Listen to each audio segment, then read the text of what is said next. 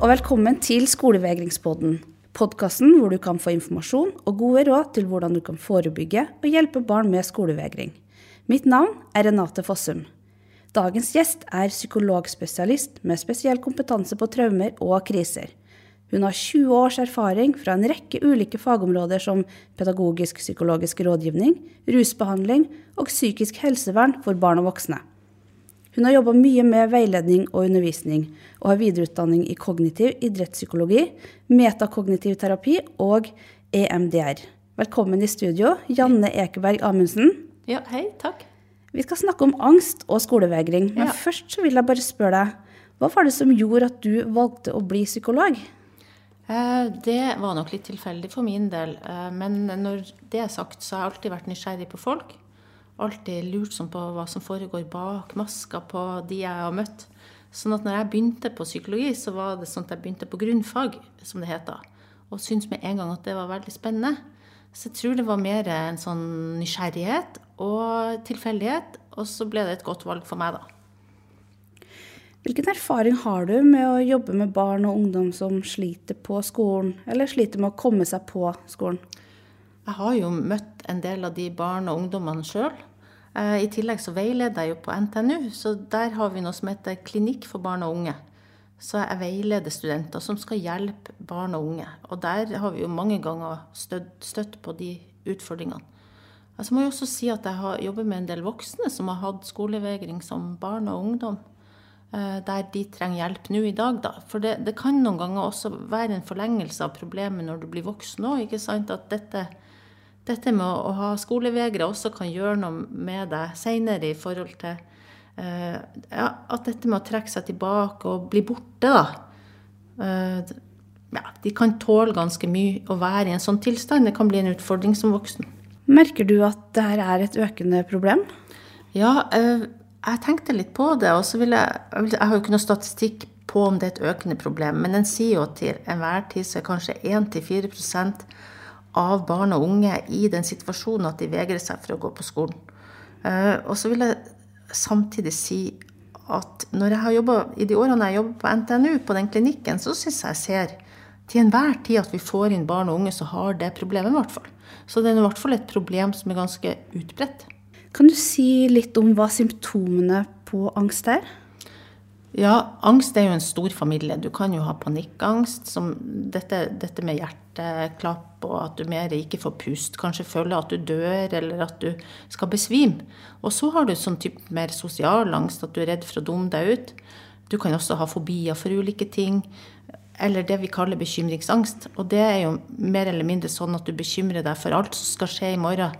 Altså det blir sånn at du ser for deg veldig mye sånn katastrofer.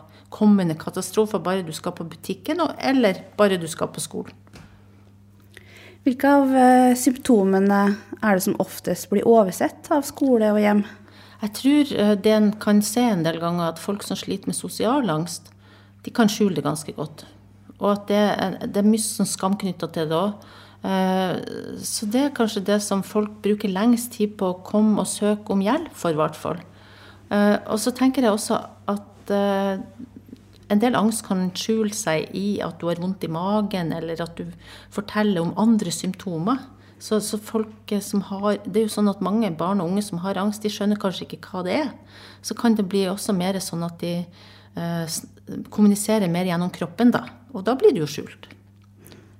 Av de du har behandla, hva er det som er den gjennomgående årsaken til at de engster seg for å være på skolen eller gå på skolen? Ja, det syns jeg er veldig sammensatt. For ser ofte, det ser du ofte hvis folk har skolevegring, at du er nødt til å se på både forhold på skolen, forhold hjemme og, og barnet selv. For en kan jo ofte se for seg et typisk litt engstelig, sensitivt barn som kanskje ikke er så glad i forandringer, eller uh, syns at det som er ja, ting som blir utfordrende, vegrer seg litt.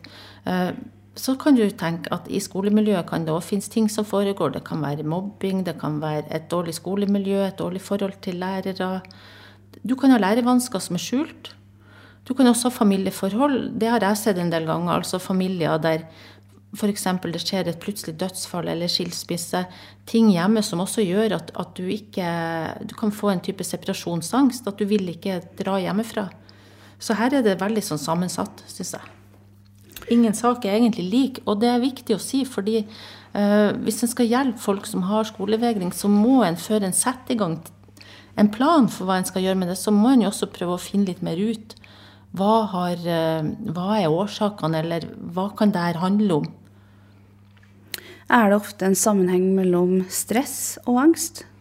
Ja, det vil jeg nå tenke. At, eh, og særlig kanskje når ting blir mer obligatorisk. Altså, Skolevegring vanligvis da utvikler seg litt sakte. Kanskje du allerede i småskolealder har hatt perioder der du har vært en del borte fra skolen og sånn. Eh, men så kanskje kommer det tilbake, og når det blir mer obligatorisk, så, så blir det òg veldig mye stress. Og noe av det som kan bli en ond sirkel eh, hvis du har vært borte fra skolen en stund, er at du er redd for at du har kommet bak de andre. Og du tør ikke komme tilbake, kanskje for at du syns det er ekkelt å få spørsmål om hvor du har vært. Så det blir sånn ond sirkel.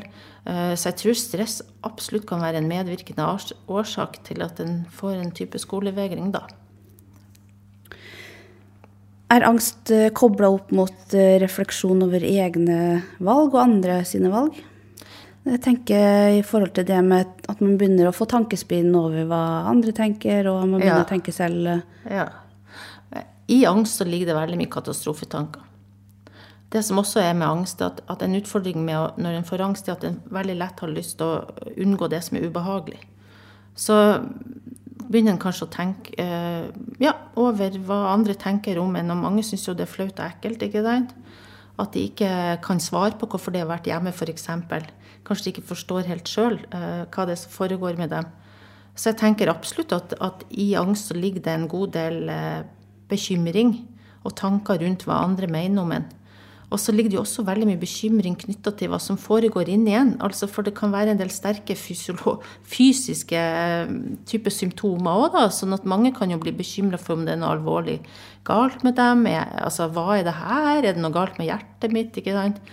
Uh, maven, det gjør vondt, hva er det? Så jeg tror det er mye bekymring både innover og utover.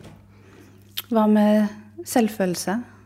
Selvfølelse er jo viktig for alle, tenker jeg. Eh, men det å, å, komme i en ond sirkel der du ikke kommer deg på skolen, uh, vil jeg jo tenke så klart også gjøre noe med selvfølelsen din. Du går jo glipp av ting òg, og vil vel kanskje fort også kunne føle at, at altså, Men dette har jo med alder å gjøre. Jeg tenker uh, Et mindre barn vil ikke ha kanskje de samme type bekymringer rundt det. Men jeg har nå sett barn på barneskole altså Jeg har jo møtt barn som er på barneskolen og som er bekymra òg for at eh, de syns det er ekkelt å komme tilbake, og de sammenligner seg med andre. Så jeg tenker det er en sånn stor driver inn eh, som gjør det vanskelig. Du vet at når du først har begynt å være hjemme, så, så er det også my mye der hjemme som, som, gjør at det er lett å være hjemme i forhold til før. Kanskje det er en forskjell fra før. Du har eh, TV, du har spill, du har ting som gjør at det kan være komfortabelt å være hjemme òg. Også med angst er det jo sånn at det du frykter, ikke sant, det, det er nesten verre det er mange som sier det med angst, at når de står i situasjoner, så går det bedre enn når de tenker på dem i, i forkant. Så det bygger seg opp en veldig forventning om at det skal gå dårlig. Og det er mye negative tanker en kan få knytta til hvordan det skal gå. Eh, hvis vi da skal snakke litt om de små barna som går på barneskolen. Ja. Um, F.eks. de som er skolestartere. De er jo bare fem-seks år. Mm. Hvordan kan man beskrive følelsesspekteret til så små barn? Nei, det er jo et stort spørsmål, da. Men altså, vi er jo født alle med de her følelsene som glede, sinne, redsel, eh, det å være lei seg. Og så tenker jeg at, at dess mindre barn er, dess vanskeligere er det å regulere sånne ting sjøl. Så en er jo veld, veldig avhengig av voksne rundt en som kan gjøre det trygt. Og det å være trygg også med noen en kjenner, kanskje lettere for en skolestarter hvis du har noen fra barnehagen du skal begynne med, ikke sant, enn at alt er ukjent. Så, så det, den overgangen der er det så veldig ulikt hvordan vi takler. Og hvis du er et barn som er mer eh, sensitivt, da, så er det klart at du vil bruke mer tid på å venne deg til denne endringen. Og at det vil kunne kjennes mer utrygt, og at du er enda mer avhengig av den tryggheten rundt deg, både hjemmefra og på skolen. Så jeg tenker det å få gode skolestart, eh, det handler jo også om å, å kunne gi barn tid til å venne seg til det. Eh, og at en også som altså, Til en viss grad må en jo som voksen uh, hjelpe barn å forstå hva det er de føler og tenker. det er ikke sånn at barn kanskje i utgangspunktet klarer helt å forstå at oi, nå når jeg har vondt i magen, kanskje jeg gruer meg til noe. Men det å føle at de rundt en også kan hjelpe en, blir veldig sentralt, tror nå jeg, da. Hva skal man akseptere av følelser fra de som er så små, når de er på skolen? Det, det, det syns jeg er litt sånn uansett alder, at, at det er veldig vanskelig uh, å tolerere følelser i det hele tatt for veldig mange. Det er så forskjellig hva en også har fått lov til, både i barnehagen og hjemme. Uh, og i utgangspunktet vil jeg tenke at det er jo ingen følelser som er farlig. En må bare finne en måte å vise dem som passer, og, og klare å liksom få snakka om det en kjenner på. Så, så, jeg vet ikke, det, det, er liksom vanskelig å svare hva en skal tolerere eller ikke. En skal i hvert fall prøve å hjelpe barna å forstå hva det er de føler. Kanskje få satt litt tanker til det òg. Prøvd å se det i sammenhenger med hva, hva som skjer. Altså, så Barn trenger jo hjelp til å forstå at kanskje du blir sint. Hva skjedde? ikke sant? Jeg syns ofte skolen kan være flink til å finne ut mer. Hjelpe dem å sette ord på hva var det som skjedde som gjorde at du fikk det sånn som du fikk det. Og hvis du ble veldig sint, da, som kanskje er den For å si sånn, det er vel den følelsen som skoler eh, må bruke en del energi på å tolerere eller takle, da. Så det er vel den følelsen som er mer synlig ofte. Eh, og da tenker jeg at en må ha noe verktøy for å snakke med barn om disse tingene. Kan skolen bruke disse følelsene til å gi barna en god selvfølelse? Ja, altså følelser For sånn som jeg tenker, eller mange, mange psykologer tenker jo sånn, så er jo følelser det er jo, det er jo, noe de prøver å fortelle oss. Uh, og, og, hvis det blir sånn at du har en følelse Hvis du er lei deg, f.eks., og du bare får høre at du må tørke tårene dine, så lærer jo du at den følelsen kanskje ikke er en følelse som det er lov å ha. Eh, så jeg tenker at det er jo viktig det her med å kunne få lov å uttrykke. Og uttrykke følelsene sammen med andre. Men, men skoler har jo mye annet å tenke på. Sånn at det kan være vanskelig å få muligheten til det der. Så, så en må jo også få til et godt samarbeid, vil jeg tenke, med skole og hjem. Hva er det foreldre kan gjøre for å bygge barnets selvfølelse? Ja, det er et stort, igjen et veldig stort spørsmål, egentlig. Eh, det å ikke Altså, jeg tenker at uh, en skal være veldig forsiktig med å, å, å kjefte på barn og kritisere barn. Jent, altså, alle foreldre mister besinnelsen av og til og, og sier ting de ikke mener og sånn. Og, og det som barn er veldig opptatt av, de har en veldig sånn rettferdighetssans. Det er jo det her at hvis du gjør noe også som voksen som ikke er bra, så må du si unnskyld til barna dine òg. Vi forlanger jo det veldig av barn. Eh, så jeg tenker det å passe på ikke sette merkelapper på barn. Du er alltid sånn og sånn, eller uh, latterliggjør dem eller håne dem. Altså, jeg tror de fleste foreldre de ønsker veldig at, at deres barn Altså, de fleste foreldre i grunnlegg, altså jeg tenker sånn, ønsker jo helst sitt barn godt. Og vil jo passe på de tingene her, men i en stressende hverdag så er det jo ikke det alltid så lett. Så jeg tenker du bygger selvfølelse hvis du uh, tør. Og også være ydmyk når du gjør feil, og hvis du øh, ja, tåler å ta imot det barn øh, forteller og uttrykker til deg, men samtidig er det klart du må sette altså Det er en jo veldig opptatt av at en må få satt noen grenser hele tida. Og det er jo sant. Eh, men det er jo liksom måten en gjør det på, da. Du var jo inne på det litt tidligere, det med separasjonsangst. Er det noe som ligger naturlig i barnet når det starter på skolen? Ja, nå vet en jo at, at, dette med separasjonsangst ofte kommer uh, ganske mye tidligere, egentlig. Uh, men jeg tenker det kan jo være noe som også går i faser. Så jeg vet ikke, For noen barn så handler jo separasjonsangst også om Det kan jo også handle om utrygge foreldre. Altså foreldre som, som syns det er vanskelig å slippe fra seg barn. Så en må jo alltid se på er det barnet, hvem er det som En må samspille med foreldrene da og finne ut uh, hva, hva er det som gjør at denne separasjonen er så vanskelig. Så, så som foreldre må man jo også kunne uttrykke en trygghet på at dette går bra. Men så tenker jeg at i alle sånne overganger så vil vel det å liksom få litt angst eller bli urolig kunne være naturlig. Så jeg tror så lenge en ikke lager det til et veldig sånn stort problem, kanskje uh, kan tåle litt at uh, Ja, jeg tror foreldre i en viss periode kanskje må være innstilt på å bruke mer tid både på å levere og, og hente, og, og samarbeide også med skolen, sånn at det blir trygge overleveringsplasser, da. Og jeg vet jo det er lettere sagt enn gjort i en travel både skole og familie hver dag. Men dette med tid blir en sånn sentral faktor egentlig for å gjøre det trygt, da. Hva tenker du skole kan gjøre for å trygge foreldre som har barn med separasjonsangst? Nei, for hvis, hvis det er separasjonsangst det er snakk om, så har jeg For det har jeg jo jobba noen ganger med, og da ser jeg jo at uh, en trenger disse overleveringene som er mer trygge, og at det er veldig fint hvis skoler da kan uh, ha en person som møter og tar imot barnet, og også den voksne. Og så noen ganger kanskje også tåle at den voksne må være med litt inn. Altså At det ikke er sånn at en kan få overlevert det barnet ute i gangen heller, nødvendigvis hvis en bare har gode dialoger Det er jo kanskje det i travle hverdager så kan det liksom skorte. ikke sant? En får ikke snakka ordentlig om det. Så kan en alltid få laga noen planer også for å sånn gradvis gjøre det Altså gradvis for å si sånn eh, Feide ut mor eller far. ja. Og barnehagene er jo veldig flinke på det her, tenker jeg. Så jeg tror også skoler eh, Etter hvert som de har blitt mindre, de er skolestartere nå, har jo skoler også vært nødt til å å mer ta hensyn til sånne ting. Og jeg ser jo ofte eksempler på det òg. At en har en toleranse og, og, får til det på bra måter, da. Men, men, blir det veldig sånn forventning om at alle skal gjøre det på samme måte, da er det, da er det litt sånn vanskelig for de her ungene som har separasjonsangst.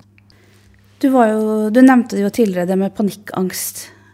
Kan du si litt om hvordan det oppleves å ha panikkangst?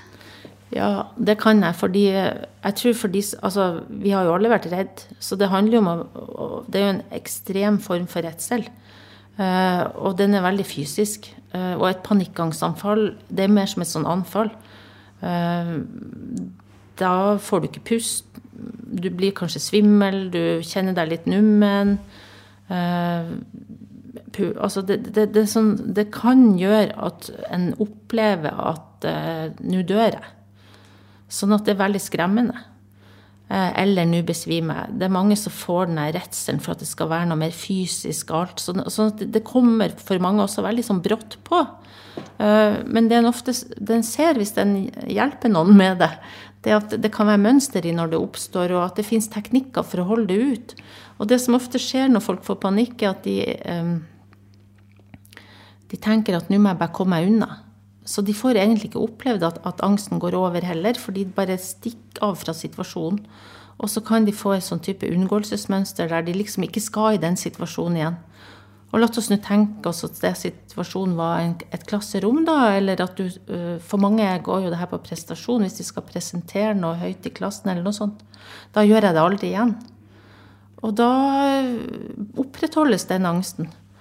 Og du blir til, det blir ikke bedre, det kan mer snarere tvert imot kanskje spre seg litt. Så det er viktig det her med å kunne forstå hva som skjer, og kunne klare å, å finne måter å holde ut på og være trygg på at det går over, da. Der blir jo voksne, altså For dette er jo forskjell på voksne og barn. Men hvis dette er et barn, så blir jo voksne veldig viktig i det her å trygge det barnet. Men hva kan skje da hvis man presser det barnet for hardt og for raskt? Ja, det, det, det er vel uheldigvis, så, så, ser jeg jo det noen ganger at, eh, at de voksne, det gjelder jo både skole og foreldre, kanskje blir for utålmodige eller for opptatt av å bare presse barnet gjennom. Og da blir det bare enda mer eh, ubehag og enda mer opplevelse av å miste kontroll og ikke Du ønsker deg ikke tilbake i den situasjonen. Så det er så kjempeviktig når, når, noen har angst, at en lager en plan der den som har angst, også får være med på å legge planen. At ikke det blir bare de voksne som finner ut hvordan de skal takle det her. De må, uh, når jeg jobber med barn, så er det liksom viktig for meg å lage en sånn type uh, trapp. Der vi sammen blir litt enige om de forskjellige trappetrinnene. Og det kan du gjøre med småbarn òg. Altså, hva er målet? Jo, målet er jo å få komme seg på skole, f.eks. hvis det var det som var problemet. Eller målet er å kunne tåle å holde en presentasjon. Men for å komme dit, så må du gå noen trinn. Og det er viktig at barn får lov å være med og definere de trinnene. Og liksom ikke føle at det er noen andre som bestemmer at i morgen blir det sånn. Da blir jo angsten enda større. Men det her er jo noe du snakker med barna om i forkant. Ja. Men, men, hvis barnet da, du står i situasjonen og barna har panikkangstanfall, ja. hva, hva, skal man si da? Jeg tror eh, Hvis det er første gangen det skjer, så, så, tror jeg det som ofte skjer, er at alle rundt òg blir veldig engstelige. Men, men, men, når en har fått forståelse for hva det er, så handler det jo om å, å trygge, rett og slett. Og det handler ikke bare om hva du sier, men det handler også om eh, kroppsholdning og hvordan du skal utstråle en slags trygghet over at dette, altså med at dette går over. Så, så, jeg tenker det å si at, at, det, at, det, går bra, og bare pust Bare gjør dem oppmerksom på at det går an å puste. En del barn eh, som jeg har hatt kontakt med, eh, de lærer seg også en del sånne pusteteknikker, og de jobber også med hva de skal si til seg sjøl. Altså denne, denne, tanken om at jeg dør eller eh, nå besvimer jeg, den kan erstattes med at dette, dette er bare angst, det går over. altså og dette er jo også noe voksne kan hjelpe til med. Det er veldig vanskelig første gangen når sånt skjer, men etter hvert kan en lage en plan rundt hvordan en skal håndtere det. Og det er jo forskjellig sak til sak, så det, det er veldig vanskelig å si akkurat det vil hjelpe alle. Så dette må òg gjøres i et slags samarbeid. Men noe med det her med tryggheten du utstråler, og litt det her med å kunne lære seg noen små teknikker sjøl for å kunne håndtere det. Og samtidig eh, er det veldig viktig for barn og voksne å forstå at det å hele tida bare unngå situasjonen vil ikke gjøre det bedre. Så en form for å ikke gi opp og, og prøve å utsette seg for ting igjen er òg veldig viktig, altså.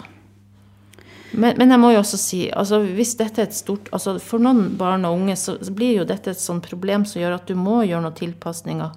Så dette med å kunne ha et rom, altså det, det, å kunne ha et rom der du kan trekke deg tilbake, det, det, er jo flaut og ekkelt hvis dette foregår i klassen og du føler bare du har ingen fluktmuligheter. Jeg tror ikke det er nødvendigvis sånn at de kanskje bruker det rommet hele tida, men det er liksom viktig å kunne ha et trygt sted. Eh, at du vet at du har et sted der du kan trekke deg tilbake hvis det blir så ille at alle ser det, og du bare føler at eh, Ja. Så jeg tror det å ha en sånn type sikkerhetsplan er veldig viktig. Har du noen gode verktøy som skole og foreldre kan bruke for å hjelpe barn og ungdom med angst? Ja, vi var jo altså For å si det sånn, det går an å finne ganske mye materiale hvis du søker på nett på angst. Og en av de tilnærmingene som er veldig anerkjent, er jo kognitiv, kognitiv terapi. Og i kognitiv terapi så er hele poenget rett og slett å forstå hva som skjer i disse situasjonene. Så, sånn at eh, Et verktøy som veldig mange skoler bruker, er jo det der psykologisk førstehjelp. Og det er jo basert på kognitiv terapi. Eh, det som er hele prinsippet, er jo å prøve å finne ut eh, hva som skjer i en sånn situasjon. Altså du kan bruke, Og de har jo det her Det, det som er fint med dette førstehjelpsskrinet, Eh, det er at, at eh, du, lag, du, har et verktøy der du sammen kan se på noe, der du ikke bare snakker sammen, for du skriver ned ting, og du bruker noen figurer uh, som du liksom kan symbolisere litt. Disse røde og grønne tankene som en snakker om. Men det som er da, er at, at du må prøve å finne ut hva som skjer i situasjonen, og hvilken følelse du kjenner på. Og hvilken tanke altså, om du, altså, Og det kaller røde tanker er, Det er jo ikke det at de er Det er ikke forbudte tanker, men det er mer tanker som ikke er hjelpsomme i disse situasjonene. Sånn som at uh, det er farlig, jeg må stikke av, jeg er dum, jeg får det ikke til. Det er jo ikke hjelpsomme tanker. Så, så en prøver å finne erstatningstanker eller mer hjelpsomme tanker, og det er de grønne tankene. Så det er som prinsipp for å finne litt mer ut hva som skjer, og også hjelpe seg sjøl litt i situasjonen. Hva kan en si til seg sjøl alternativt til at jeg er dum? Jo, jeg klarer det, eller jeg får til noe, eller det er trygt. Og så er det også en, eh, For du går videre på det der, så er det også noe med å finne ut hvem som kan hjelpe deg, og hva du kan gjøre sjøl, For det er også noe med å endre litt Altså, Er det lurt å stikke av i situasjonen, eller skal du prøve å gjøre noe annet? Kan noen hjelpe deg i situasjonen? Hvilken voksen kan hjelpe meg? Så, så du bruker en sånn type hjelpehånd, og du bruker dette med røde og grønne tanker. Eh, det som, sånn, det som kan være utfordrende med det, tenker jeg, det er at, at det kan misforstås til at en bare skal ha positive tanker. Og det er ikke det som er meint, egentlig. En prøver jo mest mulig å identifisere det som skjer i situasjonen. Eh, sette ord på det. Og en må jo akseptere denne følelsen og de her røde tankene òg. Men så prøver, og så kan en bli for ivrig på at en skal ta dem bort eller finne de grønne tankene, og det syns ikke jeg er så ok. Fordi jeg tenker det er mer som sånn øh, Det er noe som er lettere sagt enn gjort, faktisk, så det tar litt tid for barn å lære seg å finne disse alternative tankene. Også tar det tid å gjøre noe annet enn det de har gjort, som er kanskje å bare unngå situasjonen. Men det kan være et bra sånn, verktøy for å forstå litt mer av hva som foregår. Men jeg tror ikke jeg ville tenkt at som forelder eller lærer at det nødvendigvis er tilstrekkelig alltid til at, at, at problemet løser seg. Men det er ingen problem å bruke det sammen. Det er jo en veldig sånn fin instruksjonsbok, og du kan bruke det sammen. Men du må ikke bli så opptatt av de grønne tankene at du trer det ned over hodet på disse barna. da. Eh, før vi skal avslutte, så skal du få noen spørsmål fra våre følgere på Facebook som de har sendt inn til deg. Eh, Unni lurer på når ting først har låst seg med angst og skolevegring, er det da den riktige løsningen å fortsette å prøve å få dem til skolen hver dag? Ja, igjen så, så, så tenker jeg at det handler om å lage en felles avtale med barn. Og at du må vite litt om årsakene til at de ikke vil på skolen. Så, så det å, å, dra på skolen hver dag, det kan jo ikke bli det samme som at du drar dem med makt inn på skolen. Eh, hvis de har utrolig mye angst, så blir jo ikke det noen no, no opplevelse som får dem til å få lyst til å dra neste dag. Da må en faktisk revurdere planen litt. Så Noen ganger handler det litt om hvor store ambisjoner en har for hva en skal få til òg. Kanskje en bare skal være i noen timer, kanskje en skal, altså at planen må justeres litt ned. Det er viktig. Så, så, jeg tenker jeg kan ikke svare umiddelbart ja. Uh, en sier jo ofte det at når en har en plan, så må en uh, ikke latt disse Altså en må ikke gjøre det sånn at, at ungene skjønner at de bare kan la være. Altså hvis de protesterer nok, så blir det ikke til at de skal dra på skolen. Men samtidig så er jo det innenfor rimelighetens grenser, altså. Jeg har jo også sett uh, eksempel på barn som blir rett og slett Det blir så mye angst i de situasjonene at, at det bare gjør at de går mange skritt tilbake igjen. Et råd mange foreldre får, da, er jo at det skal jo ikke være for attraktivt å være hjemme. Nei. Hva syns du om det rådet? Ja, altså igjen, En kan ikke tenke hele tida på uh, Ja, det er jo sant, det skal ikke være attraktivt. Men en må jo tenke på, hvis en skal få barn tilbake på skolen, så må en tenke på uh, at en av de tingene som gjør det vanskelig å gå tilbake, er jo også bl.a. det sosiale. Altså at, at en kommer bort fra vennene sine og det andre som foregår på skolen. Sånn at jeg tenker jo faktisk at, at det er lurt å få kobla på, i hvert fall på eh, venner, og gjøre ting som gjør at du naturlig kobler deg på, at du tør å gå på skolen igjen.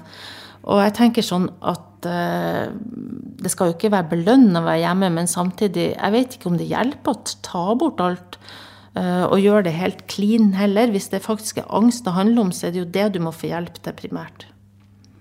Så er det et eh, spørsmål fra Frøydis, et ganske stort spørsmål. Hun spør hvordan forebygger vi at ufrivillig skolefravær blir et traume og en krise?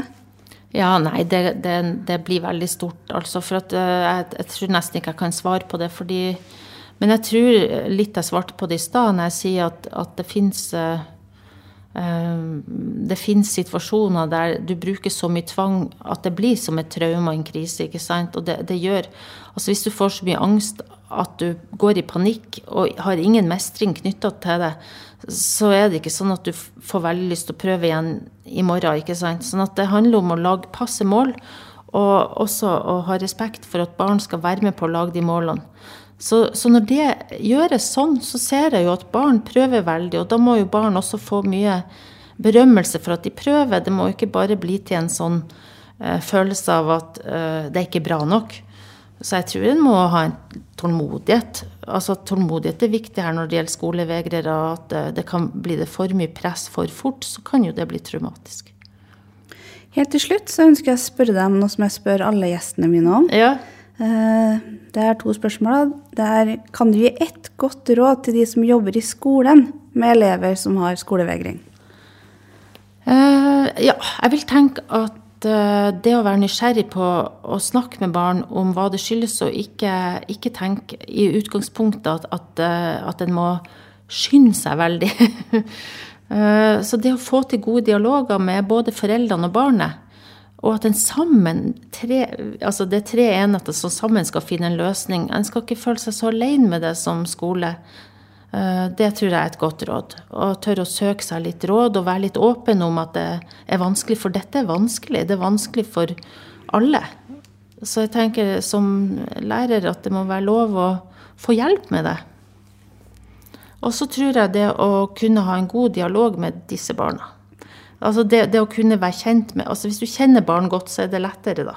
Hvis de har en god relasjon til deg, så er det også lettere å finne ut sånne ting, da. Det ble kanskje ikke et råd, da. og så er det siste. Kan du gi et godt råd til foreldrene? Til Nei, et godt råd er vanskelig for en psykolog, som du sikkert forstår.